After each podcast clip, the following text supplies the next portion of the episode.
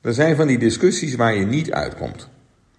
Moet productie maken wat sales verkoopt, of verkopen zij wat productie kan maken? Is de business in de lead en moet de staf maar leveren, of is de capaciteit van de staf leidend in hoe de lijn dit onderling verdeelt?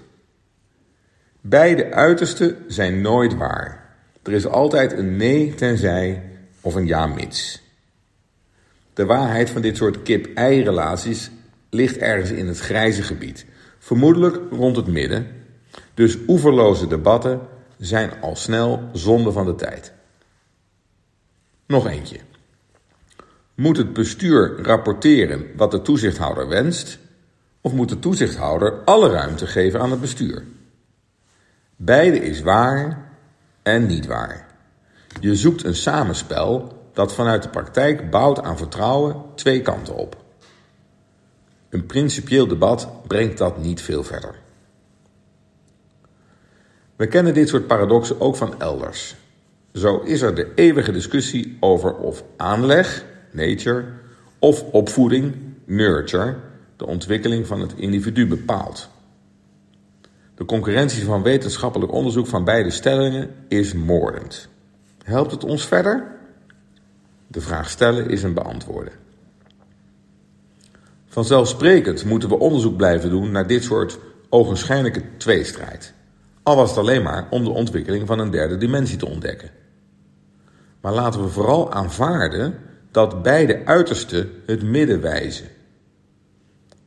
Als we het gewoon afspreken dat beide voor 50% correct zijn, dan bereiken we een heel ander principe. Samen. Het gaat niet om wie er meer gelijk heeft, het gaat om wat we samen bereiken. Mijn pleidooi, het al snel oeverloze principedebat, te vervangen voor een meer praktische samenwerkingsvariant, is dringend. Zeker in deze tijden met crisis en onzekerheid als nieuwe normaal. Veerkracht is een kerncompetentie. Aanpassen de norm. Goed luisteren met oprechte interesse en respect voor elkaar levert in deze complexere wereld een betere way to go op. Iets waar wel wat gevoel en emotie bij komt kijken. Maar in lijn met onze culturele traditie handelen we in veel vraagstukken vooral eerst rationeel. Onze ratio heeft ons veel bescherming, gezondheid en veiligheid gebracht.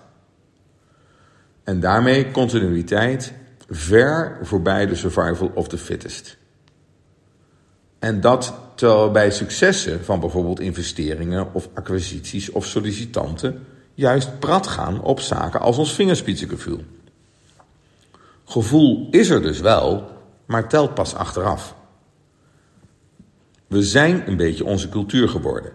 Zelfs ons schoolsysteem is primair op kennis georiënteerd en gericht op geen fouten maken. Zonder fouten kun je echter geen nieuwe oplossingen bedenken. En die zijn wel nodig nu. Gaan we dus de crisis rationeel of emotioneel oplossen?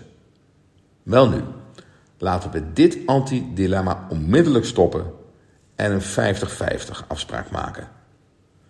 Complementair als het is, dienen ratio en emotie samen te gaan.